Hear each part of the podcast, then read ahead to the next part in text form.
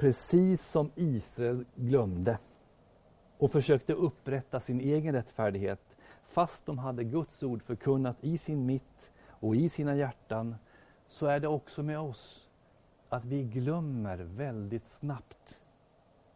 Också fromma kristna försöker lyfta sig själva i håret och bli rättfärdiga på egen hand. Man tror att kristendomen går under om man ibland misslyckas. En sån föreställning bottnar i att man lurar sig att det är lagen och lydnaden som definierar oss som kristna.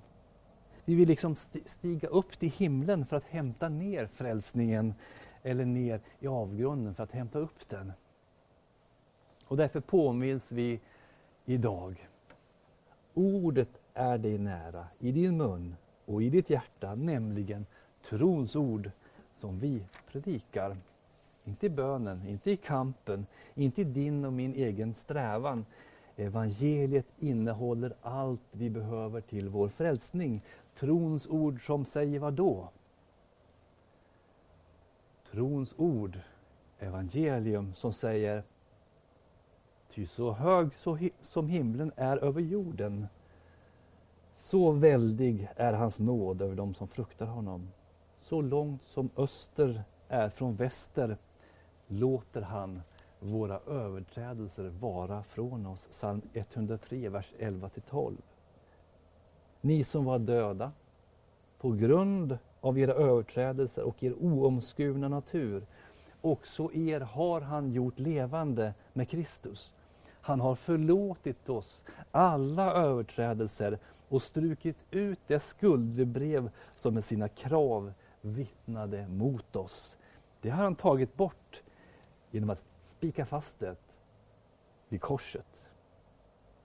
Detta budskap kommer till oss. Och då blir det precis som aposteln säger.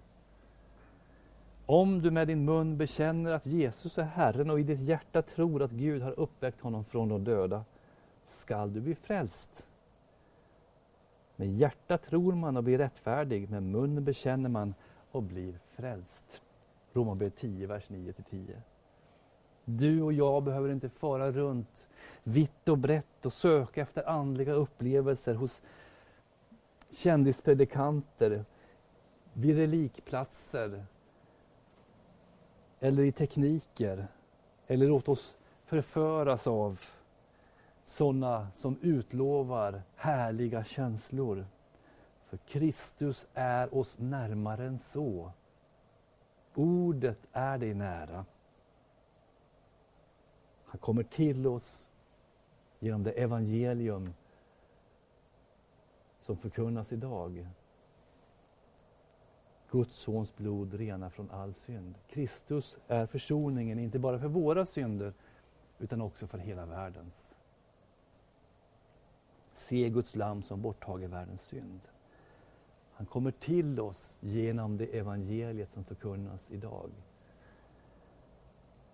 Han har fött oss på nytt och klätt oss i rättfärdighetens mantel genom dopet. Behövde du fara längre än så? Vi förenas med honom när vi tar emot Kristi sanna kropp och blod under bröd och vin i altarets sakrament till syndernas förlåtelse. Behövde du fara längre än så? Ordet är dig nära. När vi tar emot evangeliet i tro, i våra hjärtan, bekänner Kristus som Herre, då äger vi rättfärdighet inför Gud. Låt oss därför inte förföras, utan hålla fast vid trons ord som vi predikar. Och då kan vi bedja, lovsjunga, glädja oss för att ordet är oss nära i vår mun och i våra hjärtan. Amen. Låt oss bedja.